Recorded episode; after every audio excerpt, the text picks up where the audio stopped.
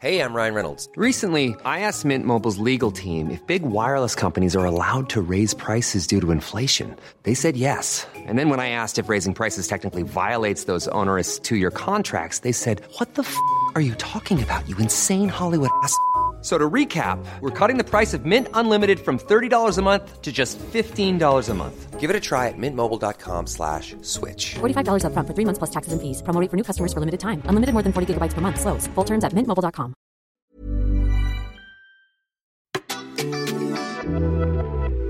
Vi ska ju faktiskt prata om Nio idag. Ja. Alltså det här är ett avsnitt som ni har frågat efter. Vi har ju skjutit lite på det Mm. för att det är så mycket och så liksom, det händer så mycket under Ja, den här tiden. intensivt. Det är intensivt, både känslomässigt men även vad som händer. Eh, men nu har vi varit så här, okej, nu känner vi att vi har lite distans så att vi faktiskt kan prata om det. Vi ska försöka komma ihåg allting bara.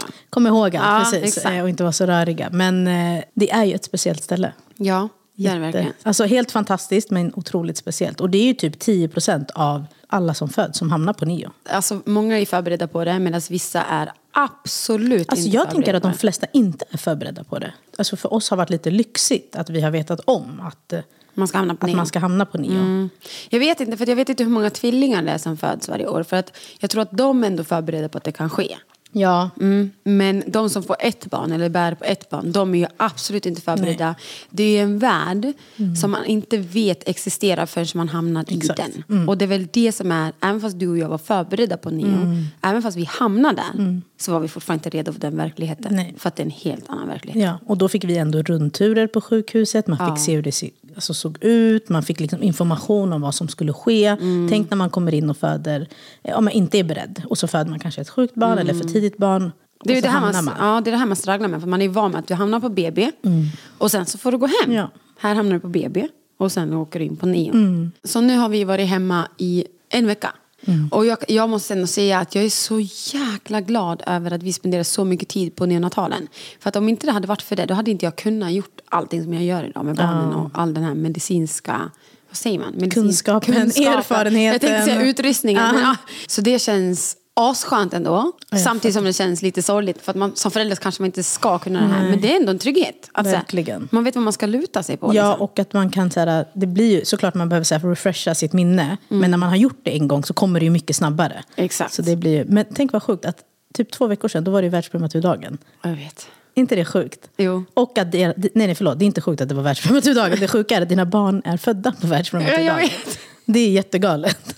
Jag visste Av inte om alla det. dagar. Jag visste inte om det förrän de föddes. De bara, de föddes på världsprematurdagen. Jag bara, vad menar ni? De bara, ja, det är prematurdagen idag. Och dina barn är prematur. Jag bara, jaha!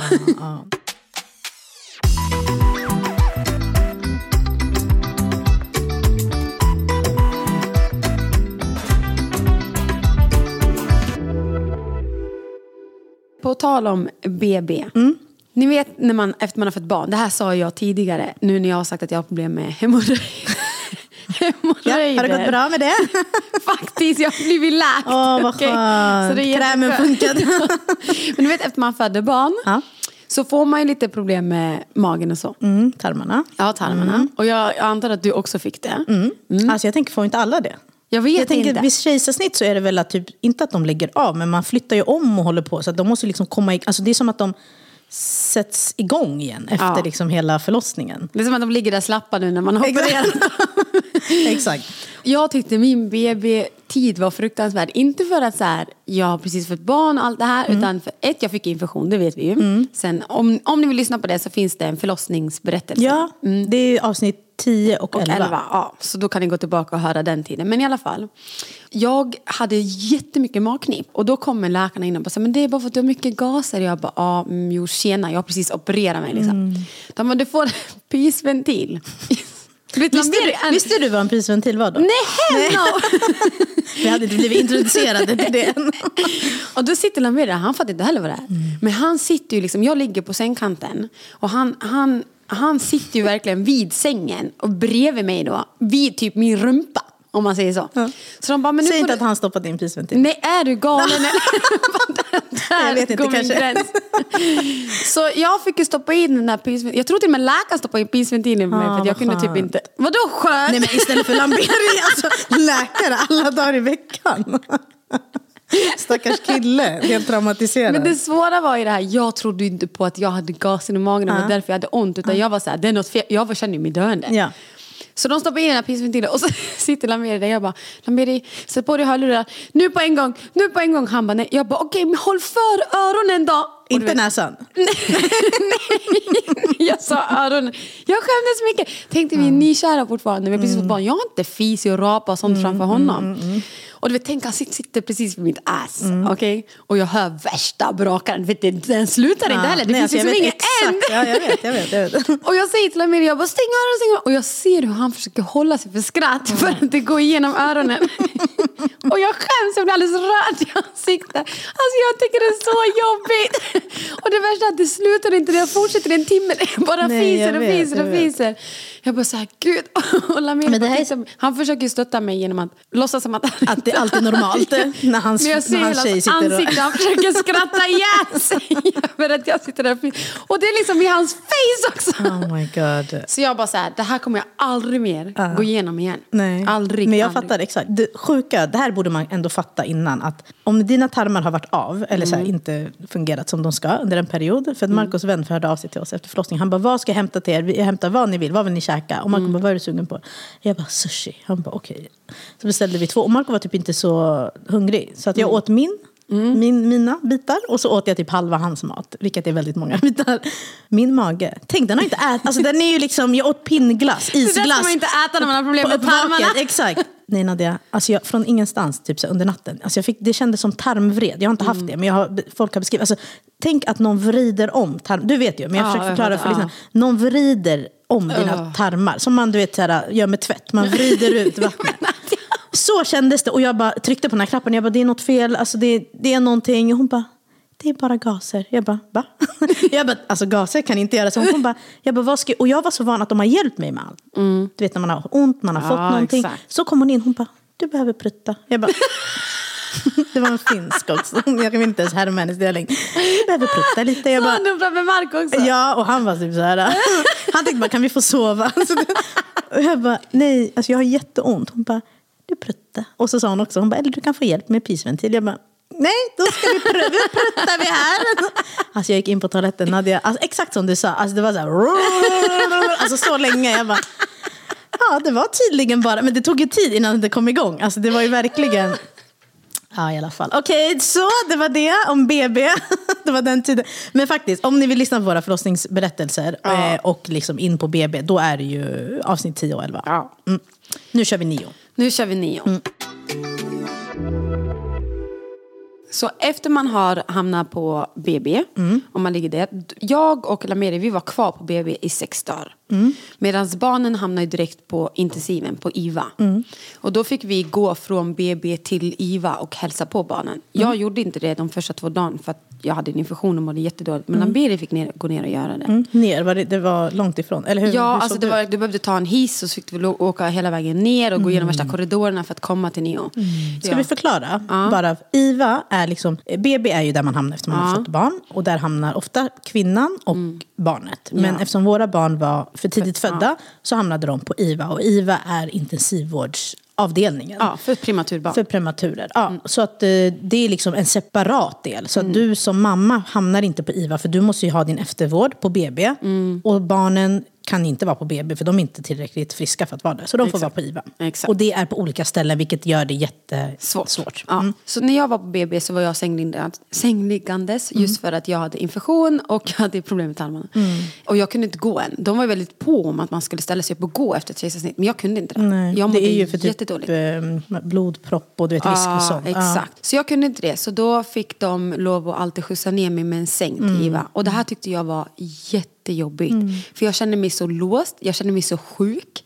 Jag hade ont överallt och jag var så hormonell att jag, jag bara grät 24-7. Alltså det var det enda jag gjorde, bara grät. Jag ville bara sova. Alltså det var det enda jag tänkte på för jag var helt slut efter förlossningen. Och då fick de lov att skjutsa mig med sängen dit och jag tyckte det var såklart skitjobbigt. Men sen när jag väl kom ner dit då fick jag ju för första gången ta barnet och ha det hud mot hud. Kommer du ihåg vem du hade? Jag hade Kelia. Ja. Och jag vet att Lamberia hade varit där innan redan och fick två barn och kunde skicka bild till mig när Ja. han låg där med två barn. Och då hade barnen, jag reagerade inte över det först. Utan jag fick det här lilla, lilla spädbarnet, Kenan vägde 1200 gram. Så liten. Så jätteliten. Då fick jag det här barnet och då sa de att det är jätteviktigt att man kör hud mot hud. Just för att barnet ska känna den här närheten, tryggheten och det är bra för deras tillfrisknande att köra hud mot hud. Men efter, precis när jag fick killen på famnen, då började jag störtgråta för att han hade ju CPAP. Och CPAP är ju någonting som hjälper dem att andas helt enkelt. Så man har den på näsan och så ligger sitter den fast liksom på huvudet. Det är som en mask och så går det liksom runt hela. Exakt. Och så var han, alla tre var ju det, men så var han uppkopplad med alla möjliga sladdar. Där man kunde koppla upp till alla de här monitorerna som visade pulsen och syresättningen. Och det är det vi kallar för saturation. Exakt. Och det är det som var så svårt. Eller jag tyckte det, att när man bara för att komma, alltså ta sig till IVA, var Mm. ett projekt, och sen när man väl kom dit, att få dem på sig. Alltså allt det här tog ju så lång tid. För då skulle de koppla ur sladdar för att kunna lägga på dem igen och lägga dem på. Alltså barnet ska på en själv. Mm. Det krävdes ju alltid typ så här två, tre personer när man kom Exakt. dit. För man kunde, tänk vad sjukt ändå, för jag tänker på det mycket i efterhand, att man kunde inte bara gå och plocka upp sitt barn. Nej, nej, nej. Utan nej. det var så här, hej vi är här nu. Och så pratade man med sjuksköterskan och de bara, vi hjälper er alldeles strax. Alltså som att man typ skulle, Var på ett uppdrag typ. ja men lite. Och det var ju så här, för det var ju så viktigt att hud mot hud, hud mot hud. Så man vill ju vara där så mycket som möjligt. Men ja. Ja, det var det enda de pratade om. Och det tog oss typ en vecka tills jag kunde komma ut ur sängen. Så jag fick till slut komma ut med rullstol. Och det här gjorde så att på IVA där vi var, då skulle man komma in i rutinerna och göra här, de här grejerna istället för det som sjuksköterskorna gör. Så då hade de listor. Så de hade en blå lista och en gul lista. En var om de, alltså med blöjbyten och, och avföring och kiss och allt sånt. Och sondmatning. Och en andra var att man skulle byta saturationsmätaren då från varje fot var tredje timme så att man inte får brännskador på fötterna. Har du brännskador? Ja, så Ah. när den är på, lampan är på så kan man få det. brännskador. Och då måste man ju byta saturation. Och saturation, det var det du sa, det mäter liksom eh, Pulsen och syresättningen. Och den sitter alltid runt foten. Ja, Mm. precis. Vad var det, varannan timme typ man skulle byta? Eller? Ja, någonting sånt. Så Tänk den- byte på tre barn varannan timme. Alltså bara det. Liksom. Exakt. Att komma ihåg. Så det var, de där listorna var ju jättebra. Ja. Men eh, det var verkligen det var det enda man gjorde. Stod, förutom när man var hud mot hud så var det att kryssa i de här kryssa i de här Ja. Och det känns som att det, så här, det var en all evighet att stå där och göra de här grejerna. Det som jag tyckte var största utmaningen också med IVA, förutom deras hälsa, det var att när jag kommer ner från BB så fick jag, och i den här rullstolen då, så fick jag tvätta händerna. Jag fick sprita händerna. Jag fick sätta på mig förkläde. Jag fick sätta på mig handskar och munskydd. Ja, Det var så sjukt. det. Och då, det, det rubbade min anknytning till barnen. Mm, För då helt plötsligt satte jag på mig ett förklädd som inte var mamma Nadja. Mm. Där jag skulle vårda barn som var mina. Men jag kunde inte känna att de var mina mitt Mm. i alltihopa. Just för att så här, jag fick inte bara gå dit och bara, nu plocka upp mitt barn. Mm. För mitt barn gråter, för mitt barn är ledsen. Och jag kommer ihåg när man kommer in till rummen, vi, de hade det precis renoverat för att vi hade ju neonatal på Södersjukhuset. Mm. Så det var en helt ny ny avdelning. Vi hade ju ett helt, alltså en hel avdelning för oss själva. Just för att så här, vi, det var tre bebisar. Så de låg verkligen i liksom, först tre olika sängar. Och sen så fick de en gemensam säng. Men de här pulsmonitorerna tog ju så mycket plats. Ja. Så att de fick liksom vara där. De tog över allt. Ja. Och i mitten då så fanns det liksom som en glasbunker i Mm. den avdelningen. Där satt läkarna, sjuksköterskorna och kollade upp allting, Mm. hur, hur det var och hur det såg ut. Och efter det så kommer man ju in och så får man sätta sig, vi satte oss på en jätteskön stol som man kunde reglera sig upp och ner som på ett hotell du vet. Mm. Och så skulle man börja köra det här med hud mot hud. Och vi fick alltid byta skjorta, vi fick inte ha samma sjukhusskjorta. Utan när vi kom När in kom där, in då. Mm. ja, så fick vi byta mot den vi hade, slänga den i tvätten, ta dit en ny. Och varje gång vi skulle gå ut därifrån om man skulle äta lunch eller vad man nu skulle göra, då fick man byta och sätta på en ny igen. Så allt, det var, bara det var en procedur. Mm. Men jag tycker det är så sjukt att det är så olika riktlinjer. Alltså, Alltså, nu nu är det coronatiden, så jag vet inte om de var så här, att den här avdelningen var extra känslig. Ja, jag, såklart, jag har liksom det tänker jag. men jag men- tänker att för att du var på Södersjukhuset och vi var på Huddinge. Och sen blev vi flyttade till ett annat sjukhus. Och alla de här tre har helt, eller Olika. helt olika, men de har olika rutiner. Och det är så här... Jag man- tyckte det var jättejobbigt. När jag hör andra, där fick de, vissa fick ha besök. Mm. Vissa behövde inte alls sätta på sig liksom, förklädd och alla de här grejerna. Jag behövde ju ha det. Och Lamberia behövde ju ha det. Men sen så minns jag det så väl att vi gjorde ju samma sak om och om igen varje dag. Mm. Så vi kom in, vi gjorde allt det här med procedurer med förkläde och sånt. Mm. Det var direkt prat om hud mot hud. Alltså hud mot hud var de stenhårda med. Mm. De sa alltid, ni ska, ni ska, alltså man satt där en hel dag. Det var knappast så att till och med gick ut och käkade mat. Ja. Det, det existerade inte. Och så fick man ta det där hud mot hud. Och sen efter man har gjort det, då skulle man säga till om de skulle komma. För de fick ta barnet och lyfta det här barnet in till sängen igen. ja. Och där började typ resan. Det var där det började bli jobbigt. Mm. För att då sitter typ antingen jag med två barn, hud mot hud, eller Lamberi med två barn, hud mot hud, och jag har ett. De här larmen. Mm. Alltså tänk er att för tidigt födda barn är ju på IVA av en anledning. Mm. Förmodligen för att de inte kan syresätta sig ordentligt. De dippar i saturationen, alltså både puls och syresättning och allt det här. Mm. Och de här ljuden från varje skärm, de låter didit, didit, didit, så fort ett larm går. Mm. Och när det var gult larm, då betyder det att så här, nu är saturationen, alltså nu är syresättningen på väg ner. Mm. Men när det blir rött, alltså så många gånger jag tappade det. För att det blir ju, alla de här skärmarna, ibland låter de alla samtidigt. Och då ligger de mot oss. Yeah. Och då springer läkarna och sjuksköterskorna in i rummen och försöker putta till dem och försöker se till så att de börjar andas igen. Ja. Och då är det inte för att deras syresättning har gått ner, det är inte för att deras puls har gått ner, utan det är för att de slutar andas. Mm. De totalt slutar andas. Och mina gjorde det, kanske några gånger per dag. Ja, och det är ju så, alltså för oss föräldrar blir det så jävla Påtagligt. traumatiskt. Alltså för att man blir så här, vad, vad är det som händer? Men för eh, de som jobbar där märker man att så här, det är deras vardag. Alltså de gör det här. De kommer, de vet precis hur de ska och de vill ofta typ, alltså de vill ju få in oss föräldrar i det. Medan man själv bara, hjälp barnet. Alltså du behöver inte berätta för mig vad du gör. Alltså Nej, bara, bara ta mitt bara ta barn. mitt Ja. barn och se till att det mår bra. Rest, du kan förklara för mig efter. Alltså så kände jag mycket. Men de var ju så proffsiga och så, så här, jag tror inte det som förälder fattar man inte att det är normalt. Alltså, så här, eller även om man fattar det, det är så jobbigt att det är larm hela tiden. Och det, för att de är ju för tidigt födda och deras lungor är inte utvecklade. Det är Exakt. därför vi är kvar Ja. Mm. på nio, för att de behöver hjälp med sin andning. Men då att det- till exempel att de kunde, så här, efter att ha ätit, ja, Amelia gjorde alltid det, Mm. så gick hon in och fick typ så här, matkoma. Och då var hon helt så här, avslappnad, så då slutade hon andas. Mm. Och vi visste ju det, att så här, nu när hon har ätit då kommer hon bli så här, lite så här groggy. Mm. Och, ba- men det är så... Det är så påfrestande. Alltså, för till oss sa de ju att ofta så kommer de sluta andas när ni är hud mot hud just för att de, det är som att de tror att de är i magen Mm, igen. Och du vet, det där satte hårt på mig. För att då var jag så här, men jag, då vill Då inte vill jag, jag inte, jag vill ja. inte ha barnet på mig. Det, det slår så fel. För att de här läkarna, de här sjuksköterskorna, de pratar ett helt annat språk Ja. än man själv gör. För dem är det, precis som du sa, normalt. Men för mig är det så här, nej, men det inte, du kan inte sitta där och säga till mig att det här är normalt när min, mitt barn är uppkopplat. Alltså det make no sense i mitt huvud.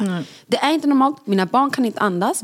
De behöver hjälp med att börja andas igen. Alltså, för mig är det inte normalt. Jag hade en helt annan bild av det här än vad, än, än vad det blev. Ja. Så det var typ det jobbigaste. Och det var det, det enda vi gjorde varje dag. Ja. Sen när man kom in i rutinerna på IVA. Vi var på IVA i fyra veckor på intensiven. Mm. Och det är ganska lång tid för att ändå föda prematurt. För att du ska egentligen till ett familjerum sen. Ja. Men vi var kvar på IVA i fyra veckor och gjorde samma sak om och om För igen. att de behövde, de behövde den vården. De behövde, Ja. och oftast brukar man säga då på IVA att så här, de behövde den vården under övervak. Man är Mm. fortfarande övervakad på familjerummet fast på ett helt annat sätt. Vi kommer komma till det.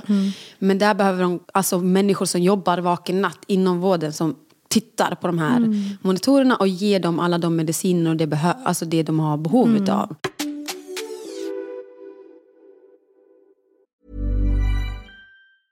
I'm Sandra, and I'm just the professional your small business was looking for. But you didn't hire me because you didn't use LinkedIn jobs. LinkedIn has professionals you can't find anywhere else, including those who aren't actively looking for a new job but might be open to the perfect role, like me.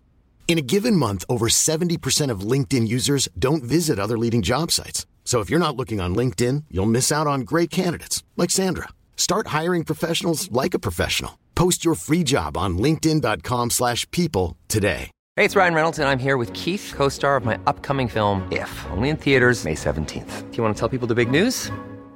All right, I'll do it. Sign up now and you'll get unlimited for $15 a month in six months of Paramount Plus Essential Plan on us. Mintmobile.com slash switch. Upfront payment of $45 equivalent to $15 per month. Unlimited over 40 gigabytes per month. Face lower speeds. Videos at 480p. Active Mint customers by 531.24 get six months of Paramount Plus Essential Plan. Auto renews after six months. Offer ends May 31st, 2024. Separate Paramount Plus registration required. Terms and conditions apply if rated PG. Våra rutiner var verkligen tvätta händerna, byta skjorta, sätta på en ny skjorta, sätta på förkläde, ansiktsmask, handskar, komma in i rummet. Och när vi kom in i det här stora, stora rummet så sa vi hej, hej.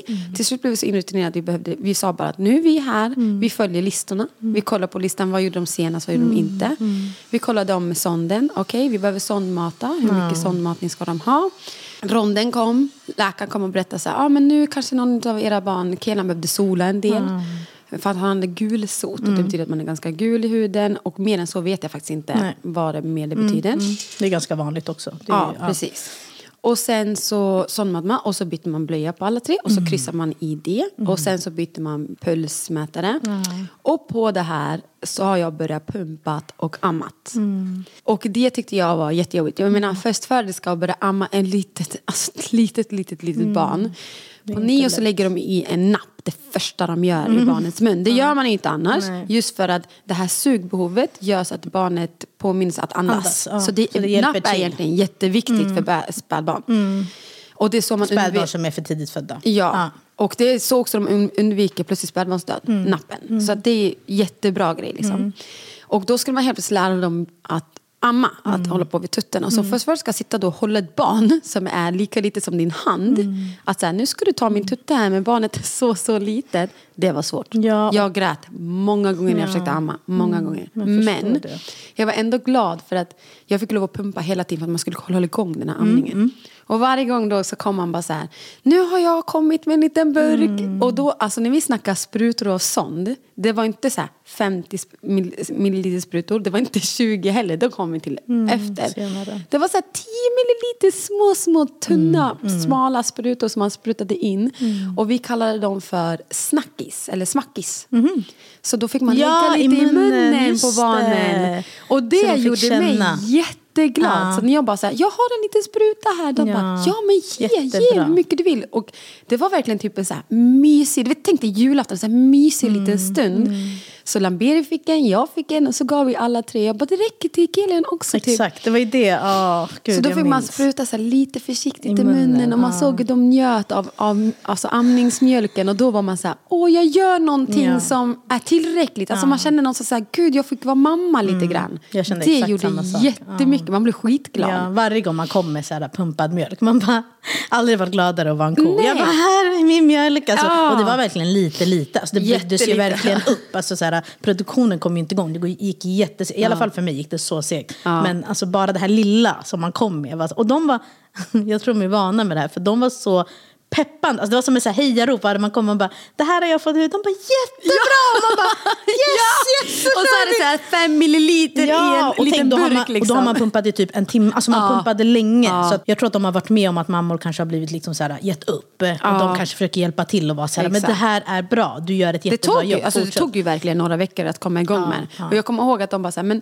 om du har barnet vid dig så ska du alltid pumpa samtidigt för att det producerar Mm. Exakt. Mm. bröstmjölken. Så då satt jag där med ena pumpen och höll för hand så här.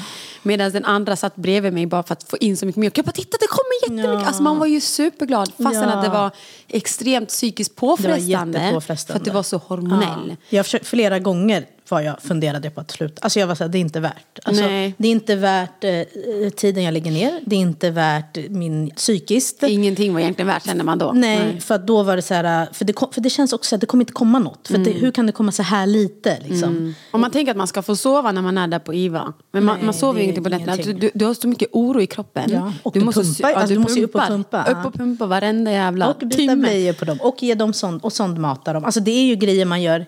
Ändå, Alltså, fast man är där liksom. läkarna sa att när man är där med ett barn är det jättemycket för föräldrarna. Mm. För att det är, liksom, det är ju någonting hela tiden. Och då kan man oftast liksom byta av varandra.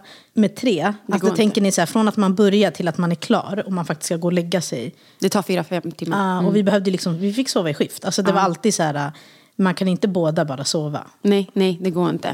Så, och sen så kommer jag ihåg hur man så här, när vi satt i rummet. För att efter BB då, Mm. jag var på BB sex dagar. Där de hade renoverat så hade man liksom familjerummet i korridorerna av IVA. Mm.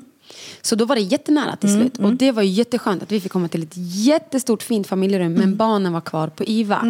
Och jag kommer ihåg i korridorerna där fick man alltid gå in så här. Man gick till typ ett kylskåp. Eller typ som en, ja men såg ut som ett kylskåp. Och så hämtar man en, en plastpåse av sin, sin storlek av amningspump och allt sånt. Och så fick man hämta in det, ta in det till rummet, använda Mm. det, pumpa. Och sen när man använt klart det så kan man gå och lämna bröstmjölken med datum och I en namn. liten lucka. I, li, nej, vi la i det i ett kylskåp. Ah, okej, I ett ah. kylskåp. Och så satt jag alltid och räknade. Istället för att räkna milliliter satt jag och räknade burkarna. Jag bara, oj shit, jag pumpar fem burkar nu. Men de var inte fulla för fem öre. Det kanske var typ två milliliter i en. De bara, du sparar allt. Ja. Och då kunde de komma och säga, Nadja, idag istället för, för att på Neo, på Neo så har de ju, de har inte ersättning utan de har ju fortfarande bröstmjölk. Donerad bröstmjölk. donerad bröstmjölk Mm. från till vecka 40. Och då sa de, idag har de fått 50% av din mjölk. Och då blev man också så här Jätteglad. jätteglad. Och bara så här, okej, ja men det är någonting Ja, liksom. ja. Och så blev det som ett bakslag när man kände att man inte hade fått pumpat ut tillräckligt och bara så här, nej men nu fick de donerad, men det var ändå, ändå bra. Men det är Men- verkligen svårt för att det är så här, du får ingen sömn, du äter inte jättebra och du har en stress på dig. Liksom, Alltså, psyk, alltså, det är stressad. mentalt Mm. jättejobbigt. Och i allt det här så ska du inte ens med ett barn få igång amningen utan med pumpen. Ja. Alltså det är verkligen så att du har typ alla odds emot dig egentligen Ja, ja. till att få igång mjölken. För att du mår så psykiskt dåligt, du är så Exakt, dränerad. ja. Mm. Alltså jag var lite så här, jag visste att jag skulle pumpa men jag hade ingen koll, så här, börjar man direkt, börjar man senare? Alltså, vad gör, alltså när är det man sätter igång med liksom Mm. alltihopa? Och jag kommer ihåg att det kommer in en sköterska, typ två, när jag, jag var på BB fortfarande, andra dagen. Och de var så här, hur har du tänkt med amningen? Har du tänkt sätta igång? Jag bara, ja, jag vill amma. Så hon bara, ja men då måste du pumpa. Jag var så här, jaha, okej. Mm. Alltså, Sen kom hon in med en pump. Hon, du vet, de rullade, De här, rullar in den, rull- ja. Hon typ rullade in den och typ så här, sköt in den. Jag bara, hon bara, så det är bara att sätta igång. Det står, jag bara, och så gick hon. Och jag bara, vad menar hon? Ah, vad menar du? Vad är det jag ska göra? Jag fattar ingenting. Alltså, jag bara, mm, tryckte på den här knappen. och så kom hon tillbaka. Jag bara, förlåt, ni måste ju ge mer information än att jag typ ska läsa på den här etiketten. På vad, men jag tror att det var så stor skillnad på att vara på BB och på NIO. På NIO var de så inkännande. De var så duktiga på att förklara. Och de, man märkte att de, De har- var där. De var där för dig hela BB, tiden. Det var ju liksom så här High Chaparral. Alltså jag var så här, hallå, är Ja, det det någon som jobbar här? tillgängligt. Ja, exakt. är det någon här? Nej, här sitter man själv. Alltså, och jag tänker att det måste vara samma sak med amningen. Folk kan inte få hjälp med amningen. De springer väl runt, alltså, de har ju jättemycket att göra, jag fattar ju situationen. Men tänk vad sjukt ändå att så här, det är helt nytt, du har ingen aning om vad du ska göra. Och de bara så här, folk som föder vanligt och bara inte har några problem. Då säger de säkert så här, sätt barnet mot bröstet.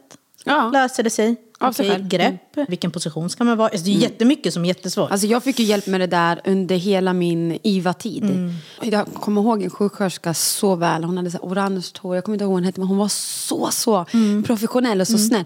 Hon pushade mig. Jag kunde bli arg på henne men hon pushade mig. Hon bara Nadja, titta på mig. Du fixar det här. Mm. Och då var det verkligen så här, fram med bröstet nu. Och så satte hon liksom en kudde under mig och bara så här, nu gör du så här. Och så slappnar du av. Och så fick jag hålla på så där för att bebisen, det Skulle barnet, ta- skulle ja. börja ta tutten. Och hon bara, och jag bara, det känns inte bra. Hon bara, men det finns tuttnapp du kan lägga på bröstvårtan. Så fick jag göra det. Och det, det var verkligen allt. Det funkade hur, hur bra som helst. Men ja, vi var där i fyra veckor. Och du lever verkligen i en dyster miljö. Vi var ju där under vintertid så det började snöa och allt sånt där. Liksom. Och man bara kände hur man var instängd mot världen. Det kändes som att du var den enda kvar på världen. Alla andra människors liv gick runt men ditt liv stod still. Och det gjorde så att man blev ännu mer psykiskt dränerad. Och på två veckor, vi, vi tog inte ens frisk luft. Vi fick inte gå ut. Det som var så skillnad med oss också, vi fick inte ens gå ut på en promenad. Det är sjukt. Vi hade liksom en liten innergård där som var stängd. Och varför den var stängd vet jag inte. Men efter två veckor fick vi gå på innergården som var liksom runt sjukhuset. En liten, liten fyrkantig lucka typ. Tur var att man var inte ensam. Alla föräldrar som var där, alla var minst lika dränerade som dig. Alla mådde dåligt. Man, alla, alla mammor gick med de här sjukhusskjortorna och med tofflorna och bara så här. Fan, det, det är mycket. Det är mycket. Och man har fått lära känna jättemånga niomammor. Ja. Och man, man känner sig ensam om den här misären. Nej. För det var verkligen långa korridorer som såg ut som institution. Ja. Och det enda som fyllde upp Neo, det var barnen som låg där. Mm. Och de som jobbade där. För att de var, alltså de ska all. Ja, eloge. Ja. Nej, alltså folk som jobbar på NIO är Men det jag, tyckte, det jag tyckte kunde vara svårt, det var inte sjuksköterskorna, undersköterskorna alla de här. Alltså de, de var guld. Det var läkarna. Mm. Jag hade jättesvårt för läkarna. Framförallt en. Det var en, hon var jättebra. Men Mm. det var en annan, hon var... Jag fick gå på morfin. För Mm. att jag hade fått en infektion i livmodern. Mm. Och jag, jag kunde liksom inte stå upp. Och jag blev inte hörd från början att jag hade en infektion. Jag bara, det är något som inte stämmer. De bara, Mm. men nej. Jag bara, fast det är något som inte stämmer. Och den här infektionen upptäcktes ganska så sent in Mm. på niotiden. Då fick jag gå på morfin och då behövde man tänka på hur man skulle amma och inte amma och pumpa och allt sånt där. Mm. Och då kom hon sen, efter fyra veckor på IVA, då kan du tänka dig att de, då har vi gått igenom ett helvete. Mm. Alltså de har slutat andas, de har behövt återuppliva dem, de har gjort allt, de har fått ja, men göra massa undersökningar Mm. och allt för att se om ens barnen kommer klara sig. För att det vet man inte om de kommer göra med tanke på att de är så små. Och du vet den här stressen om att man tror att barnen ska dö hela tiden. Och att det är tre du är orolig över. Mm. Ja. Så kommer hon och så säger hon så här, ni ska till familjerummet. Mm. Jag bara, vad menar du med det? Hon bara, ni, jag bara, vi är på familjerummet. Hon bara, fast barnen ska flytta in till er. Hur bara, långt in var det här? Förlåt. Fyra veckor. Efter fyra veckor? Efter fyra. Ja. Jag bara, det kommer inte hända. Hon bara, jo. Jag bara, det kommer inte hända. Hon bara, varför inte då? Jag bara, för att jag känner mig inte trygg i rutinerna med barnen. Jag mår jätte... Alltså jag mådde så psykiskt dåligt Adrian, när jag var på neo. Jag bara, jag mår för dåligt. Jag fixar inte det. Och vet du vad hon säger till mig? Så går det när man går på knark. En läkare. Det är sjukt. Och du är så skör. Mm, man bryter ihop för allt. Ja, Alltså, du, alltså, du, exakt. För mindre bryter, än det, alltså, det man bryter ihop verkligen- för mycket Ja, mindre än det. ja. Så fort barnet inte kunde sitta där, "Ja, jag fixar inte det. Exakt. Ja. Jag bara tittade på henne och jag hamnade typ i chock. Och då satt ju sjuksköterskan bredvid henne också. Hon, och hon satt också i chock och bara så här, vad fan hände här? Men jag tog ju såklart upp det här sen och bara så här, det här var inte okej. Jag, alltså, det är inte så att jag vill gå på knark, utan det är ni som har sagt, du måste ta det här för att du ska kunna börja gå och börja liksom klara av dagen. Och då tog jag inte mycket, jag tog en halv tablett Ja. varje dag. Så det var inte så att jag gick runt och var yr och lullig, utan hon Det bara så här, sjukt, ja. det, är du, det är det som gör att du blir så Påverkad, Så påverkad. Jag bara, absolut inte. Du menar snarare att det ska göra så att jag I feel good. Exakt. Du kanske ska ge mig mer. Exakt. Så det, det var där tjafset, vi, det enda tjafset vi hade. Mm. Men alla andra läkare var verkligen så här, tillmötesgående. Mm. Och att de sa, dina barn är så pass starka nu Mm. så att ni kan gå in i familjerummet. Och det är där det brister i kommunikationen. För Mm. att även om sjuksköterskorna, undersköterskorna kommer och barnmorskorna kommer och läkarna kommer, oavsett inom vården, när de kommer och säger ditt barn är så pass starkt nu att ni kan flytta in till familjerummet. Som förälder går inte det där ihop. Nej. För att du sitter här och säger att mitt barn är så pass starkt. Medan jag som mamma är redan skör oavsett om mitt barn hade till och med haft en liten förkylning. Mm. Men nu är mitt barn uppkopplat och du säger att nu ska det vara uppkopplat i ett rum tillsammans med mig där ni inte är inne i rummet. Då brast jag. Mm. Ja. och det var en svår det övergång. Ja, och, det är jättesvår verkligen, och det, övergång. de sa det från början att det svåraste kommer vara att flytta över till familjerum. Ja. Alltså bara om alltså de förstår, de som eh, lyssnar. Att det är så här, på IVA då är det liksom läkare och sjuksköterskor som alltid 24-7 sitter vid monitorer Mm. och, och övervakar barnen. Och det är ju inte bara våra barn, alltså det är ju alla som Allas ligger på ja. NIO. Så att man känner ju sig så trygg med att även om jag inte kanske reagerar eller om jag inte är där, för att man sover ju själv på BB första dagarna, så vet man att så här, de har koll på dem. Medan på familjerummet, då ska du och din partner, alltså de är ju där, men de har inte koll på dem på samma sätt. Och du är dens främsta, liksom, du ska göra allt. Och de sover där inne. Och jag tyckte också att det var skönt att kunna gå ifrån och få en paus. Ja. Och bara så här, faktiskt sova. För att när man väl kom på dagen, det var så himla mycket och då kunde man göra allt. Alltså man hade energi, men så var det ju inte. Hur länge var ni på Nej, men det var IVA? det jag skulle säga. För att för folk, fyra veckor på IVA är jättelång tid. Ja, jag vet. Jag vet. Det är sjukt lång tid. Alltså det är en jättespeciell miljö och det är jättelång tid. Jag var på BB i två dagar. Jag hade också problem med att gå och så. Men det som vi inte hade, som ni hade, det var att vi hade inte så långt till NIO. Du menar nu när ni var på BB? På BB, när jag Ja. låg på BB och Marco låg också, eller ja, han var med Ja. mig på BB och barnen var på IVA. Vi gick ut från BB och så var det bara rakt över. Det var hissar emellan och sen var det liksom Andra NIO. Okej, ja. Så det, var, det tog liksom två minuter att komma dit. Och när det redan är svårt med att träffa barnen och allting, då kan det ju inte vara att man ska åka hiss. Det känns inte genomtänkt. Nej. Det var också skönt att kunna, för det var inte så långt, då kunde jag försöka gå dit. Alltså det var, så att så det, att man fan, det var tillräckligt sig. nära Ja. för att jag skulle orka. Ibland var Marco redan där, så dök jag upp där. Han bara, hur fan kom du hit? Jag bara, nej men jag, Jag typ så här, försökte ta mig ja. hit. Liksom. Det gick bra. Jag pausade, han bara, är du sjuk eller jag kör dig? Jag bara, nej, Mm. det är lugnt. Men eh, jag blev utskriven efter två dagar på BB, vilket jag tyckte var jätteskönt. Eh, för att jag kände mig liksom bortkopplad. Och jag kände mig jätte... Du pratade lite om det med anknytning. Vi hade Mm. Inte hela den här grejen att man behövde sätta på sig förkläde, munskydd, inget sånt. Alltså du behövde tvätta händerna och sprita händerna, men ingenting annat. Men ändå kände jag jättedålig anknytning. Alltså jag hade typ ingen anknytning till dem. För att jag kände mig som, jag kände som att jag jobbade där. Ja. Jag kände mig som en, alltså en, Sjuksköterska. en av sjuksköterskorna. Alltså så här, det här var mitt pass. Jag behöver bara byta kläder med här. dig och så är vi samma person. Exakt. Jag var här för att sitta mina timmar, hud mot hud. Och man blev så in, det- precis som du sa, de var så på en, utav förklarliga skäl, att man skulle sitta hud mot hud. Att det var, så här, det var det som var fokus. Men det var så jobbigt. Alltså, det kanske inte låter jobbigt att sitta på en stol med ett barn mot sig. Det är låter därför du ganska får hemorrojder. Ja, exakt. Men att bara sitta timme in och timme ut. Och samtidigt så här, alltså när du inte sitter med någon, då jobbar du ju. Ja. Du byter blöja, du, byter, du flyttar, du har de här listorna du ska fylla in. Och hur såg bajset ut, hur såg, hur såg, och hur ofta kissar de? Alltså, Det är så mycket grejer och ens huvud bara snurrar, snurrar. Och samtidigt är man, jag var typ borta. Alltså jag kände inte att jag var närvarande. Utan jag kände bara så här, nu kommer jag hit, gör det jag ska göra. Och sen liksom, it. Ja. Men det som också var bra, vi var på Huddinge, vi födde på Huddinge sjukhus och eh, de hade gjort om NIO. Så att IVA, där barnen låg, låg precis, de var uppradade, ett, två, tre, ganska Mm. nära, alltså nära varandra. Och sen precis bakom var det en dörr och där sov jag och Marco. Är det sant? Ja, så det var precis vid barnen. Så det var typ så inkopplat med rummet? Exakt. Vad sjukt. Så att man öppnade bara dörren och så var man liksom Med barnen? Med barnen. Och det var, det var bra på ett sätt för man var nära, man kände sig liksom nära. Mm. Det var dåligt på ett sätt för man blev liksom, man hörde allt. så även när du skulle försöka liksom koppla bort Mm, eller liksom bara tanka lite energi så gick det inte för att då, ja, man var där.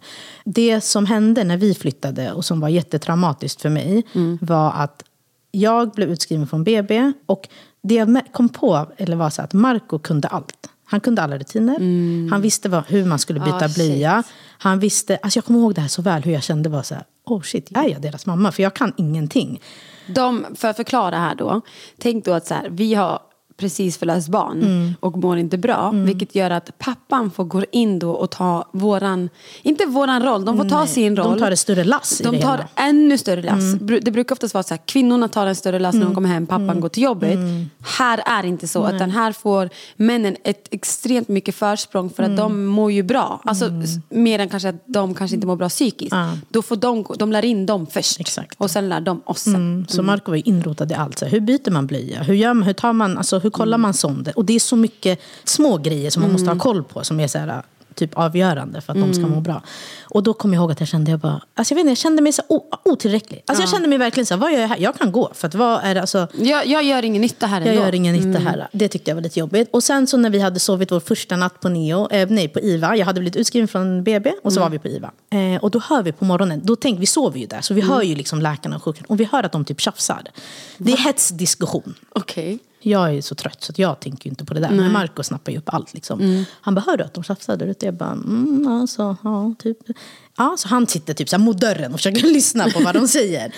Och sen kommer vi ut och har man ju sin den här morgonronden. Och då pratar de så här, hur var natten? Eh, vad har hänt? La, la, la, la. Och då frågar Marco, ja, jag hörde att eh, ni hade, alltså, hade någon diskussion. Var det, gällde det oss eller var det någon annan? Eh, och då säger de så här, eh, ja, eh, ni kommer behöva, förmodligen få flytta till familjerum. Och då, hur länge har ni varit idag." på IVA då? En natt. En natt på En IVA? natt har vi, alltså, barnen har varit där i tre, men jag har precis blivit flyttad dit. Så jag har sovit där en natt. Okej, så barnen har varit på IVA i tre dagar. Du blev flyttad dit, så du var där en natt En med natt. Marco. Ja. Och då Okej. är allt fortfarande nytt för mig. Jag, vet inget, jag kan ingenting. Du Jag har inte lärt barn. mig någonting. Nej. Ja, för att jag har precis flyttat dit. Ja. Så jag har inte, det, när jag har varit där innan, då har jag bara behövt ha dem hud mot hud. För det har varit liksom prio. Så de har gjort allt annat. Eller Marco har gjort det. Liksom. Så ni har inte fått blivit inrutinerade Ingenting. i era uppgifter liksom? Nej, det var Marco hade blivit. Alltså han kanske hade blivit 30 procent in, Mm. liksom, inne i rutinerna. Alltså jag började gråta direkt. Alltså jag lyssnade inte ens klart. För jag var så här, vad, med, alltså, vad, vad pratar ni om? Jag har precis kommit hit. Hur ska ni flytta mig? Alltså, Mm. Marco var, varför ska ni flytta oss? För att vi har ju fått en vårdplan innan. Mm. Där de har sagt så här, ni, ska, ni kommer vara här i fyra, fem dagar. Och sen kommer ni, och helt plötsligt var det liksom. Så han bara, varför ska Det är ni det. flytta oss? det är det som är grejen på IVA. Att allt går så jävla fort Alltså, med deras beslut. sekund, det, alltså det går Ja. skitfort med alla beslut de tar. Det är som på alla andra sjukhus och alla andra Mm. avdelningar. Det är platsbrist. Alltså, det är liksom, Allt handlar om vem mår sämst Ja. och vem behöver vården mest. Och då sa han, han bara, får jag fråga en sak? De bara, han bara, flyttar ni oss för att vi, våra barn mår tillräckligt bra för att vara på ett fa- familjerum? Eller flyttar ni oss för att våra barn mår bäst av de som mår sämst? Alltså så här, vad är det? Åh jävlar vilken fråga. Och då kollar de bara för han. De bara, nej men era barn är starka. Bara, nej men det var inte min fråga. Mår de tillräckligt bra för att vara i ett familjerum? Hade ni tagit det här beslutet om det inte... De bara, men det är komplext och vi behöver liksom hitta och du vet så här. Och Då blir det ju- nej, men då sa då det ju Marco- värre. Nej men då sa Marco, han bara, för att jag hörde er ha diskussioner så det betyder att ni inte är ense om det. Ja. Han bara, och då betyder det att det är någonting som är fel. Så det här avsnittet blev väldigt långt så vi kommer dela upp det här till två delar. Och nästa del kommer ni få höra Adjams plötsliga förflyttning av sjukhus men också Marcos tjafs med sjukvårdspersonal. Så stay tuned. Hej då! Hej då!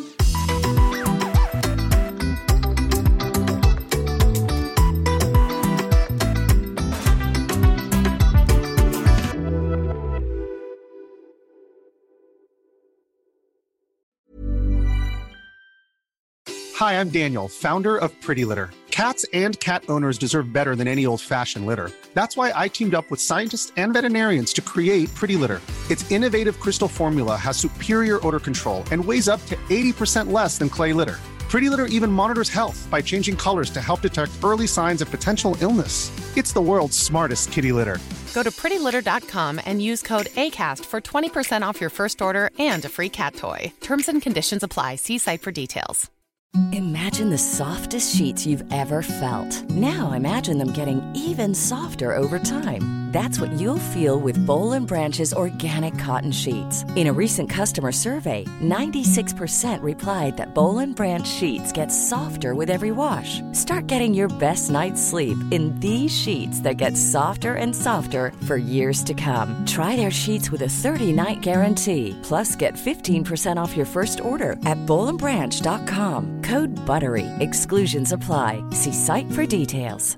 Even when we're on a budget, we still deserve nice things. Quince is a place to scoop up stunning high-end goods for 50 to 80% less than similar brands. They have buttery soft cashmere sweaters starting at $50, luxurious Italian leather bags, and so much more. Plus, Quince only works with factories that use safe, ethical, and responsible manufacturing. Get the high-end goods you'll love without the high price tag with Quince. Go to quince.com/style for free shipping and 365-day returns.